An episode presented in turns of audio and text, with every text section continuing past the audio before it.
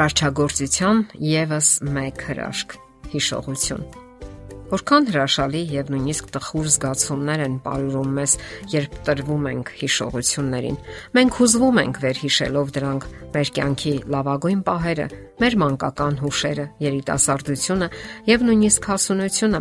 Այդ ամենը փուլ առ փուլ անցնում է մեր հոգեվոր հայացքի առջևով։ Մենք զգում ենք այդ ամենը առանց նույնիսկ մտածելու, թե ինչպես են տեղի ունենում այդ առեղծվածային գործընթացները մեր ուղեղում։ Հենց միայն այդ փաստը հիշողության ֆենոմենը բավական է հասկանալու համար, որ մենք մարդ արարածներս էվոլյուցիայի արդյունք չենք, ստեղծված բնության կմահաճույքով եւ պատահականությամբ, որ մենք արարված ենք իսկապես տրամաբանական հիմքի հիման վրա, որ գոյություն ունի այդ ամենի արարիչը, անհամեմատ ավելի հզոր ու ներդաշնակ, քան մենք նույնիսկ կարող ենք պատկերացնել։ Դեռևս 19-րդ դարի ռուս մեծ գիտնական Սեչենովը մարդու հիշողությունն անվանել է համարյա ամենամեծ հրաշքը կենթանական եւ հատկապես կազմակերպված բանականության մեջ։ Նրա մասին մտորել են մարդկության շատ ու շատ մեծ մտածողներ ու գիտնականներ, սակայն նույնիսկ մեր օրերում էլ ոչ մեկը չի կարող վստահաբար ասել, թե ինչ է ներկայացնում այն իրենից։ Այս պահին էլ հիշողությունը անընկալելի մի երևույթ է, որն իսկապես վեր է մարդկային պատկերացումներից։ Հիշողության ֆենոմենը շարունակում է հիացնել ու զարմացնել։ Մեր կենսական ուղու այսպես կոչված գրառումները ցանկացած պահի կարող են արկայծել կամ լողալ մեր գիտակցության մեջ, սակայն որտեղից են նրանք հայտնվում կամ որտեղ են պահպանվում, դա 7 կնիկներով կնքված հանելուկ է։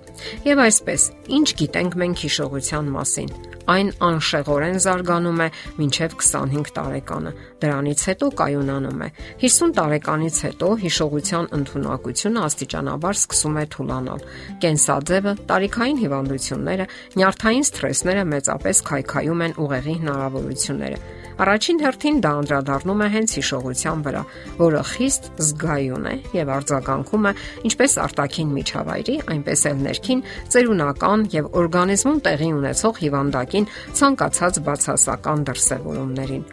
Օրգանիզմի ընդհանուր ֆիզիկական վիճակը անհամեմատ ավելի օբյեկտիվ է խոսում տեղեկատվական հեղեղը հիշելու ուղեղի ընտունակությունների մասին։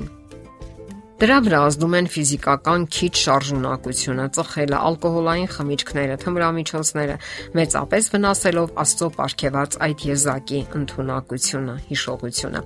Արդյունքում մարդը դառնում է ծրված,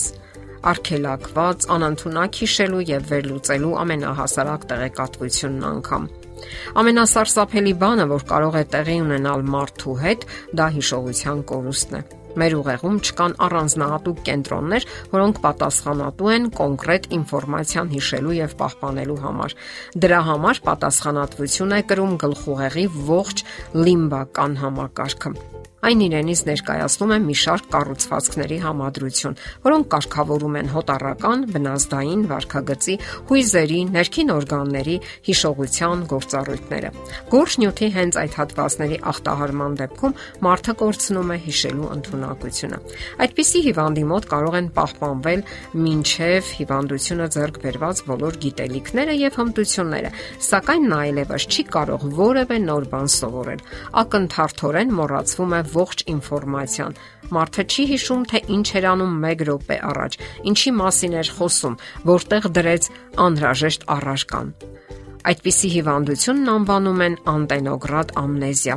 Ոչ պակաս տհաճ ու դժվար բուժվող հիվանդություն է ռետրոգրադ ամնեզիան։ Այդ դեպքում մարդը չի հիշում այն իրադարձությունները, որոնք տեղի են ունեցել մինչև հիվանդությունը, սակայն դրանից հետո տեղի ունեցող ամեն ինչ հրաշալի տպավորվում է նրա հիշողության մեջ։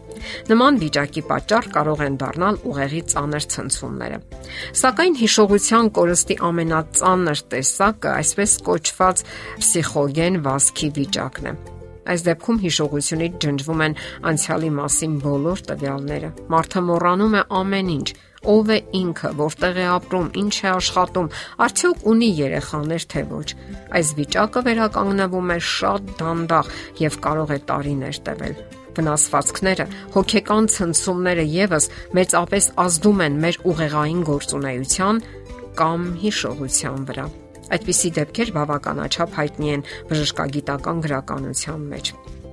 Հիշողությունը լավագույնն է, որ մենք ունենք։ Մեր անցյալը, ներկան, նույնիսկ ապագան։ Այս ամենը կուտակվում է մեր ուղեղի մեջ եւ կազմում մեր գիտակցական էությունը պահպանենք մեր մարմինը հիանալի վիճակում, թույլ չտանք առողջական շեղումներ ու ցնցումներ, սխալ կենսակերպը, ծխելը, ալկոհոլային խմիչքները, հոգեկան ցնցումները, սթրեսները վնասում են մեր գիտակցական բանական էությանը եւ ինչու՞ չէ նաեւ տրամաբանական գործընթացներին ու հիշողությանը։ Հիշողությունը մարզում է նաև մտավոր գործունեությունը, ընթերցանությունը։ Չպետք է վախենալ տարիքից եւ հարկավոր է անընդհատ զբաղվել մտավոր գործունեությամբ։ Եվ շատ մարդիկ այդպես էլ անում են, ինչեւ կյանքի վերջը պահպանելով թե հիշողությունը եւ թե աշխատանքային հնարավորությունները։ Դրա լավագույն օրինակը բազմաթիվ գիտնականների եւ մշակույթի գործիչների մեղմնավոր ստեղծագործական գործունեությունն է բոլոր տարիքներում,